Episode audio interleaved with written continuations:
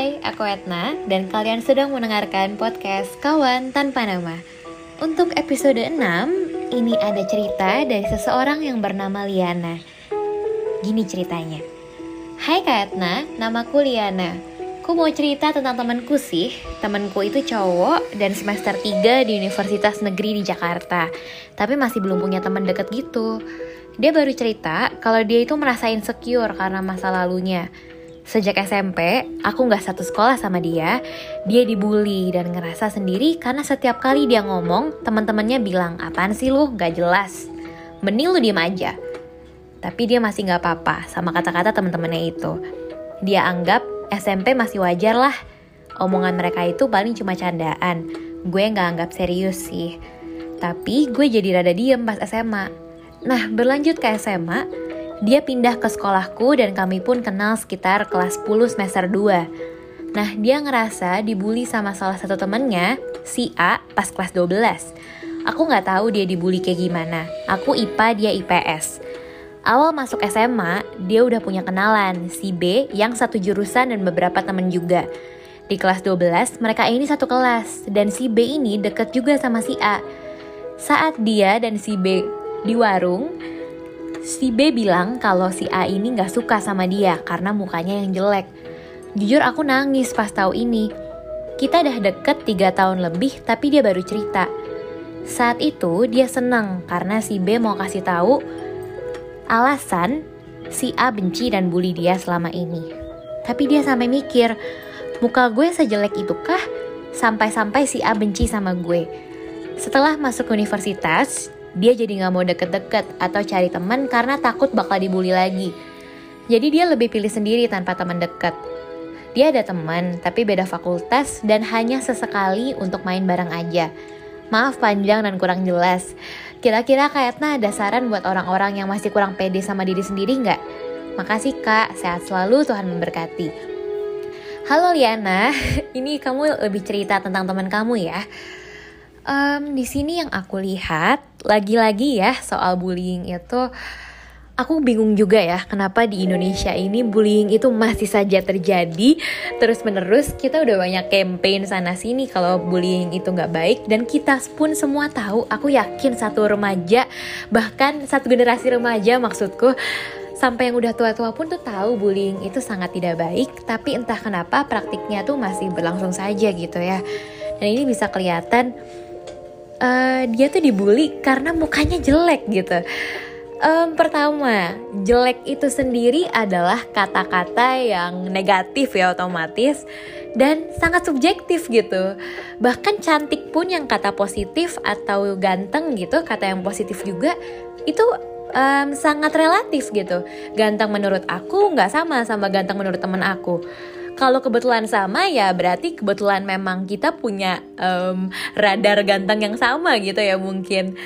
Jadi kalau dibilang jelek itu jahat sih menurut aku karena uh, masa dibully karena jelek sih? Ini terus terang aku agak pas baca kayak aduh kok kok bisa gitu. Cuma ya nggak bisa kita pungkiri ya mungkin ada orang yang memang nggak suka itu mungkin ya merasa dirinya mungkin secakep itu. Sampai ada orang jelek yang lain tuh dia anggap apaan sih? Gak jelas loh karena dia jelek gitu kan. Kayak itu sangat apa ya nggak manusiawi banget sih menurut aku. Kayak terus lo siapa gitu? Lo berasa paling cakep sendiri. Jadi kayak lo ngatain orang terus kalau orang yang gak secakep lo jadi nggak bisa ngomong gitu. Itu parah banget sih jujur di sini kan kamu lebih nanya ya soal saran buat orang-orang yang masih kurang pede sama diri sendiri. Satu hal yang aku pengen kalian tahu semua ya, pendengar-pendengar setia dari kawan tanpa nama. Pede itu dimulai dari diri sendiri. Kalian itu pede bukan karena oh aku punya A, aku punya B. Contoh mungkin uh, aku bawa tas bermerek, aku rambutnya dicat warna yang lagi ngetren aku pakai baju yang seksi-seksi misal. Atau aku pakai baju yang lagi kekinian gitu. Jadi aku bisa pede. Menurut aku iya memang itu bisa meningkatkan tingkat pede. Cuma meningkatkan aja. Dimulainya itu tetap dari diri sendiri gitu loh. Um, aku pun juga pernah merasa nggak pede. Terlepas dari aku yang kesannya tuh cuat-cuat sana sini kayak uh, banyak bawel gitu ya banyak cerita cerita tetap aku tuh ada kok rasa insecure-nya, rasa nggak pedenya. Saat aku nggak pede, aku merasa sangat tidak nyaman. Karena pertama, aku terus membandingkan diriku dengan orang lain. Itu yang aku rasain sih. Dan menurut aku mulai dari situ dulu. Stop dulu ngebandingin diri sendiri sama orang lain coba kamu um, lebih fokus sama diri kamu sendiri dulu. Tutup dulu jendela jendela-jendela yang kamu lihat. Keluar orang-orang tuh gimana? Lebih fokus ke rumah sendiri lebih fokus ke diri sendiri. Apa bagusnya aku gitu? Aku pernah ngomong gini sama teman aku dan yang shocking dan yang mengagetkan adalah temanku ini bilang nggak ada Ed. Aku tuh nggak ada bagusnya gitu. Nah itu salah banget menurut aku karena sangat tidak mungkin orang itu diciptakan tanpa kebaikan gitu aku percaya pencipta Tuhan gitu menciptakan manusia itu ada plusnya ada negatifnya. Kalau kamu fokus sama negatifnya doang dan kamu merasa kamu gak punya positif itu menurut aku keliru. Karena pasti sebenarnya kamu punya cuma kamu merasa mungkin plusnya kamu ini dibandingkan plus orang lain gak seberapa gitu Padahal itu nggak banget gitu. Kayak menurut aku setiap orang punya plus yang sangat-sangat unik gitu. Bahkan orang yang um, contohnya punya bakat menyanyi, nggak ada menurut aku yang suara A sama suara B sama suara C itu yang sama-sama bisa nyanyi, suaranya sama gitu. Semua orang tuh diciptakan dengan positif yang berbeda. Dan aku merasa kamu tuh punya pasti sebenarnya. Um, kamu Liana kan ya ini kamu bisa cerita mungkin sama teman kamu kamu tuh pasti ada positifnya kok. Saat mungkin kamu belum merasa kamu punya positif, menurut aku di situlah kamu kurang explore. Kamu mungkin selama ini ngelakuin bidang yang itu-itu aja gitu. Coba kamu mulai explore, kamu pelajari lebih dalam minat-minat lainnya gitu. Um, banyak jalan-jalan, banyak um, perbanyak ilmu, perluas pergaulan mungkin. Di situ mungkin kamu bisa menemukan positif kamu apa, karena pasti ada. Itu yang, uh, yang bisa aku jamin, pasti ada positif dalam diri kamu. Nah, saat itulah saat aku menemukan positifku apa, di sini aku pertama dulu ngeliat aku tuh bawel sebagai satu hal yang negatif. Tapi aku mulai embrace itu sebagai satu hal yang positif ketika aku ngeliat teman-teman aku ini ngomongnya nggak secas cis aku gitu. Aku tuh punya suatu kemampuan yang menurut aku nggak semua orang punya. Ada banyak orang yang punya dan lebih baik dalam um, lebih baik dalam berbicara maksudnya daripada aku. Tapi aku merasa ini sebuah kemampuan yang oke okay juga sebenarnya buat aku. Jadi apa yang muncul di pikiranku tuh bisa aku sampaikan dengan baik dan aku manfaatkan itu gitu. Saat di mana aku merasa aku minder aku dengerin aja dulu ini orang-orang lagi pada ngomong apa segala macam. Nah siapa tahu barangkali ada yang aku ngerti tuh bahan ngomongannya apa mulai ngomong aja gitu.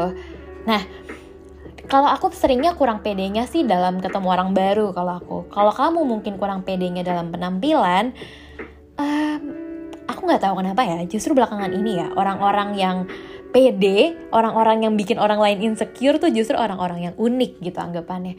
Dulu kan um, kalau di kalangan perempuan ya dilihatnya yang rambut lurus, yang putih, cantik gitu kan. Dianggapannya kan kayak wah apa uh, memikat gitu ya mereka.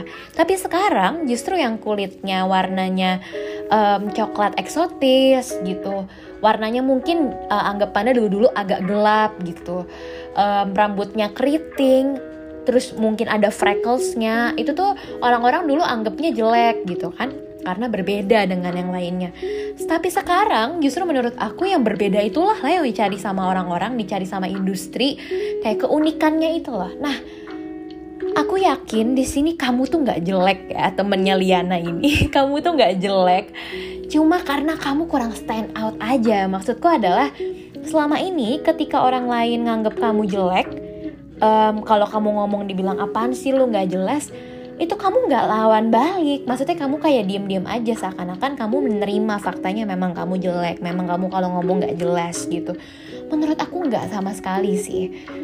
Kayak kalau memang lingkungan kamu saat itu, saat kamu SMP di sini ya, sama SMA juga dibully karena nggak jelas atau jelek, itu mungkin lebih tepatnya bukan salah kamu, tapi salah lingkungan kamu aku percaya lingkunganmu itu gak cuma lingkungan itu doang kok. Coba seperti yang tadi aku bilang, perbanyak perluas pergaulan kamu, perbanyak ilmu kamu. Percayalah, masih banyak orang di luar sana yang akan menerimamu apa adanya bahkan sangat mencintaimu dengan segala hal yang mungkin menurut kamu jelek itu kayak nggak usah khawatir bener-bener uh, apalagi nih mungkin ya karena kamu juga kejadiannya pas SMP pas SMA lingkungan kita pasti otomatis terbatasnya sama sekolah rumah tempat les gitu-gitu nggak sih? Kayak aduh masih sangat terbatas banget deh. Nah aku yakin ini kalau kamu udah mulai kuliah pun ini kan kamu uh, bilangnya teman kamu ini jadi nggak mau deket-deket ya sama kamu gitu. Menurut aku itu lebih tepatnya karena pas univ kamu ini terbawa sama uh, kebiasaan kamu dari kamu SMP SMA kalau ngomong dibilang gak jelas kalau tampil dikit dibilang jelek gitu. Nah coba deh univ pas kamu di kuliah ini stand out aja. Jadi diri kamu apa adanya pertunjukkan apa yang memang kamu punya gitu. Jangan malu. Kalau SMP SMA kan dulu um, kita buat jawab pertanyaan guru aja malu ya misalnya kita tahu siapa yang tahu ini ini ini gitu terus kita disuruh angkat tangan aja kadang malu gitu kan tapi pas univ percayalah aku udah sekarang tahun keempat perkuliahan, aku sangat tidak menyesal, aku tidak menutup diriku dan aku malah membuka diriku menunjukkan kalau aku tuh yang seperti ini loh, Edna tuh yang seperti ini. Nah, aku pengen banget nih temennya Liana dan Liana juga kalau kamu kuliah tuh nunjukin dari kamu deh. Ini ini kamu apa adanya. Um, orang-orang itu pas kalau udah kuliah ya apalagi kalau udah nanti mungkin di dunia kerja mereka nggak bakal uh, kayak nyamperin kamu satu-satu kayak uh, menanyakan kamu gimana segala macam uh, berusaha berkenalan dengan kamu. Menurut aku effort itu mulai dari diri kamu sih. Kayak sekali lagi jangan ragu kayak pasti dunia kamu yang sekarang ini berbeda dengan dunia yang lainnya. Lingkungan kamu semakin luas. Jangan takut untuk tunjukkan diri kamu apa adanya. Kamu tuh sebenarnya adalah orang yang kuat. Jangan sampai kamu mau dianggap lemah gitu di mata orang-orang lain. Coba deh um, instead of other people coming to you, coba try to reach out for people. Aku percaya banyak orang-orang baik di luar sana yang mungkin juga um, sama passionnya sama kamu, um, sama cita-citanya sama kamu. Kalau ngomong tuh lebih nyambung segala macam. Coba deh, cari cari squad kamu gitu. pasti ketemu, pasti ketemu. Um, jangan khawatir. Sekali lagi, PD itu mulai dari diri sendiri Gak usah peduliin tentang lingkungan kamu dulu yang um, seakan-akan tidak menerima kamu. Akan ada lingkungan lain yang menerima kamu. Sama nih, sama kayak di lirik si lemah dari Hindia dan Ran. Itu di sini ada tulisannya. Hai si lemah, buatlah semesta menerima dirimu apa adanya. Relakanlah masih banyak senyum di dunia yang bisa terima semua indah kurangmu. Nah, habis ini bakal aku puterin lagunya. Semoga bisa membangkitkan semangatmu. Terima kasih sudah bercerita.